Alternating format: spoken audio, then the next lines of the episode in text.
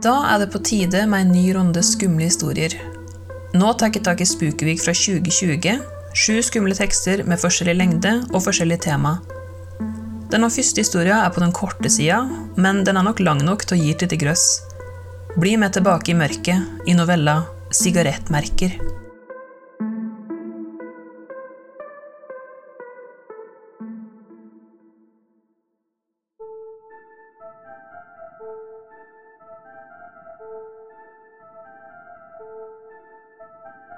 Han mister seg selv. All tid forsvinner inn i uendeligheten av nuet. En brennende følelse starter i brystet og brer seg etter hvert utover i hele kroppen. Det er himmelsk. Avhengighetsskapende. Han nærmest kaster seg unna. Det blir for mye, selv for han. Det rasler i tørt gress når han ruller seg andpusten over på ryggen. Natteluften er herlig kjølig og gjør det lett å klarne hodet. Det er stjerneklart i kveld. Vinden leker forsiktig med flammene på de resterende stearinlysene der de står under gravstøtten, skjermet fra den verste trekken. De utgjør den eneste lyskilden på den bekmørke kirkegården. Jeg liker å være her, til tross for hva andre sier om meg, sier han høyt ut i luften. Han fisker fram røykpakka fra bukselomma sammen med en lighter og skjermer den skjøre flammen som oppstår mens han prøver å få liv i filtrullen. Han legger den endelig mot leppene og puster dypt inn. Ingenting slår det første draget. Hvordan den grå røyken snirkler seg nedover halsen og ned i lungene. Der lar han den ligge så lenge som mulig, før han blåser den ut. Han liker presset som bygger seg opp. Han ruller seg over på siden igjen, setter albuen i gresset og legger haken i hånden. Det svarte, skulderlange håret faller ned i øynene. Han rister det vekk og blåser røyk i ansiktet hennes. Hun blunker ikke. Responsen er fraværende. Jeg var eh, kanskje litt glupsk i kveld, kjære, sier han lavt og ler stille.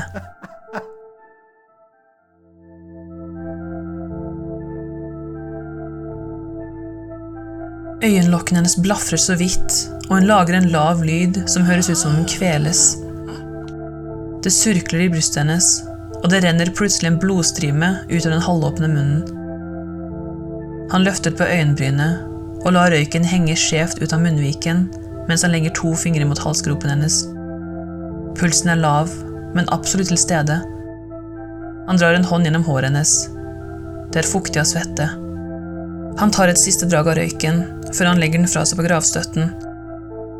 Så retter han oppmerksomheten mot jenta igjen. Jenta som som desperat har forsøkt å virke uinteressert og likegyldig overfor han. Jenta som ikke klarte å skjule hvor sjalu hun ble da hun så han gå slentrende med armen over skuldrene til en annen jente. Hun skulle bare visst hva som skjedde med hans forrige utkårede. Vel, nå vet hun det. Livet er i ferd med å ebbe ut av henne. Hun er fint pyntet med blonde krøller og sminke som fremhever de store blå øynene og toppen avslører at hun ikke bruker bh.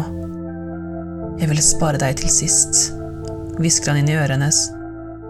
Så legger han leppene mot halsen hennes igjen, og denne gangen suger han til lenge etter han er sikker på at hun ikke kan blafre med øyelokkene igjen. Varmen i brystet kommer tilbake, og han kjenner seg selv glippe igjen, men det er ikke nok blod igjen til å gi ham den samme følelsen som i sted. Med en kraftanstrengelse heiser han seg unna nok en gang rett etter at han har kysset vekk den ene dråpen som fant veien ut av munnen hennes. Han smiler ned mot den nå livløse jenta. Leppene hans er dryppende våte. I månelyset ser det ut som de glinser svart, men det skjer med alle farger når det er mørkt, også det som er rødt. Han ler litt for seg selv. Ingenting slår det første draget av en røyk, unntatt det første suget fra en hals.